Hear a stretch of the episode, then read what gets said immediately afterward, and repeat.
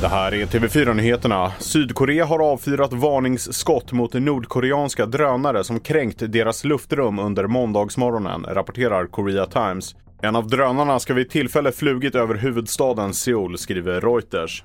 Vi hör generalmajor Anders Kallert som är delegationschef för den neutrala övervakningskommissionen i Sydkorea.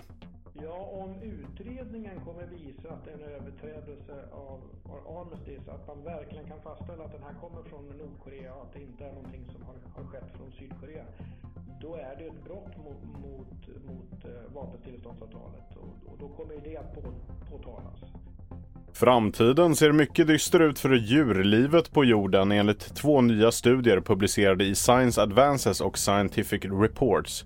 I bästa scenario förlorar vi bara mellan 10 och 15 procent av alla djurarter till nästa sekelskifte. Om vi lyckas dämpa temperaturökningen och hejda skövlingen av livsmiljöer. Om vi misslyckas kan förlusterna bli uppemot 30 procent enligt forskarna.